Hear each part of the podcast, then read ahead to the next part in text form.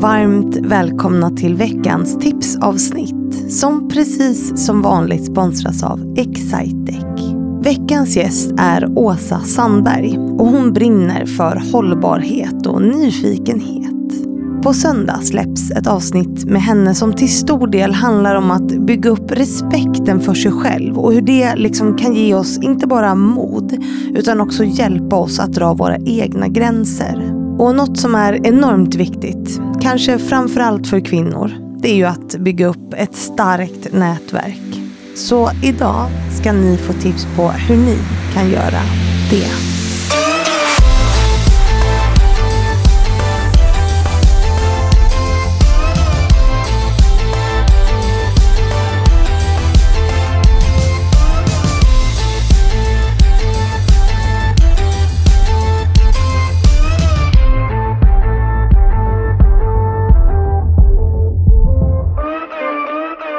Välkommen Åsa Sandberg. Tack snälla. Som precis har spelat in ett avsnitt.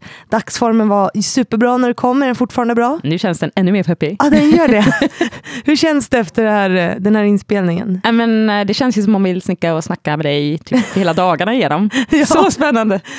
Vi kan gå runt med varandra och bara ja, prata hela dagarna. Fantastiskt, and talk. Ja, så mysigt. vi har varit inne på lite olika spår. Eh, vi har pratat mycket om dig och att eh, skapa självrespekt för sig själv. Du har massa bra erfarenheter av det och att träna upp det, eller hur? Ja men precis. Eh, och sen har vi pratat om ditt jobb, vi har pratat om hållbarhet, som är en väldigt viktig fråga för dig. Hjärtefråga. Väldigt viktig fråga. Mm. Ja, du, är som, du gör så här, så fort, precis som jag gör när de pratar om jämställdhet. Jag bara ja. ja. ja, ja, verkligen. Ja, jätteintressant. Eh, och sen har vi också pratat om ditt val att inte skaffa barn. Och att liksom bryta mot den normen eh, och hur du landade i det valet. Vilket är en fråga som jag börjar prata mer och mer om. Eh, och i och för sig har jag gjort ett tag för att det väcker så mycket känslor, eller hur? Men det är spännande att det väcker så mycket känslor. Man undrar lite varför det väcker så mycket känslor. Det borde, det borde ju vara lika accepterat som vilket val som helst. Ja, det, det är som du säger, så här, det är inte så att vi frågar folk som skaffar barn, varför gjorde du det? varför skaffade du barn?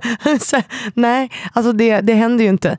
Så, och det är intressant att man blir kritiserad för det valet. Verkligen. Eh, så det har vi pratat om. Men sen har vi också pratat om, för du och jag vi lärde känna varandra i Almedalen i somras. Och då säger jag att det första som slog mig var att du liksom känner alla. Alltså det, det är ju jätteroligt. Vi träffades på ett event, om det var Lilja Sefas event tror jag. Den här själva invigningsgrejemojen. Precis. Eh, och vi liksom hälsade, vi hade aldrig, aldrig, träffats förut. Och när vi står och pratar så är du så här, hej hej, åh hej, och så här, till alla. Och jag bara, men gud, hon, så här, hon känner verkligen alla. på det här, och så träffades vi ju på på massa events hela, alltså under Almedalen, för det gör man ju. liksom. Och det var samma sak varje gång. Och jag tycker så här, varje person jag träffar så bara, känner du Åsa? Jag känner Åsa. Man bara, ja okej, okay, vad kul. Så, och det är intressant. Eh, och vi pratar ju väldigt ofta om att så här, nätverk är ju otroligt viktigt för alla. Men vi pratar väldigt ofta om att det också är väldigt viktigt för kvinnor att bygga nätverk. Oavsett om det är med, med kvinnor eller med män. Alltså att man, man måste ha breda nätverk. Eh, så att, eftersom du är en expert på det så ska du få ge tips på hur man bygger nätverk. Vilken lång introduktion det blev innan jag lämnade scenen till dig. Men det gör jag nu. Varsågod Åsa, take over. Wow. Ja, men det här är ju verkligen något som jag brinner för, mm. eftersom jag också har sett värdet av nätverk i hela min karriär. Så mina tre tips kring detta är dels ett, att eh, behandla människor man träffar med ett öppet sinne och nyfikenhet. Mm. Eh, du vet ju faktiskt inte vem den här andra personen är, eller vad den faktiskt kommer kunna spela för roll i ditt liv. Det kanske är din nästa drömkund, eller någon som kan öppna upp för en, ja, din drömaffär, eller något annat. Mm. Så att inte döma personen på andra sidan på förväg. Var nyfiken på vem den personen är. Det är mitt första tips. Mm. Mitt andra tips, det handlar om att vara bjussig. Ja. Alltså gå inte in i ett nätverksmöte eller i en nätverksrelation med vad kan jag få av den här personen? Mm. Utan vad kan du faktiskt ge för, till den här personen? Mm. Och eh, min tredje tips skulle nog vara att fundera lite grann över så här, vad är det för typ av nätverk du vill ha. Mm. Vilka kontakter skulle du vilja ha och vad, vad, vad, skulle kunna hjälpa dig och var skulle du kunna hjälpa till?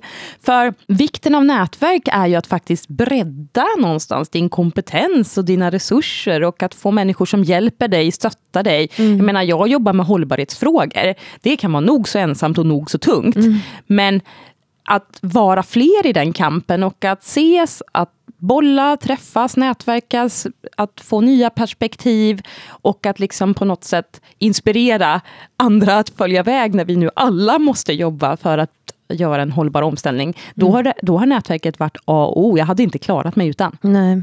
Vi har också pratat i ditt avsnitt om vikten av att sätta gränser för sig själv också. När det kommer till nät, så att man inte blir utnyttjad heller, för det är ju lätt att det händer. Det är ju väldigt lätt att det händer, speciellt om man just är nyfiken och öppen. Men, men där tycker jag att det handlar om att lyssna på sig själv, gå in på sina värderingar och känner man att det är något som skaver, att det är något som inte känns rätt, kanske i något sammanhang eller i möte med någon kontakt, reagera på det då. Att, att lyssna på den varningen och känna efter, är det här verkligen något som jag gör eller vill göra för mig själv, eller gör jag det för den andra personen? För är det för den andra personen, då ska du nog inte vara där Nej. i den relationen, eller i det sammanhanget. Nej.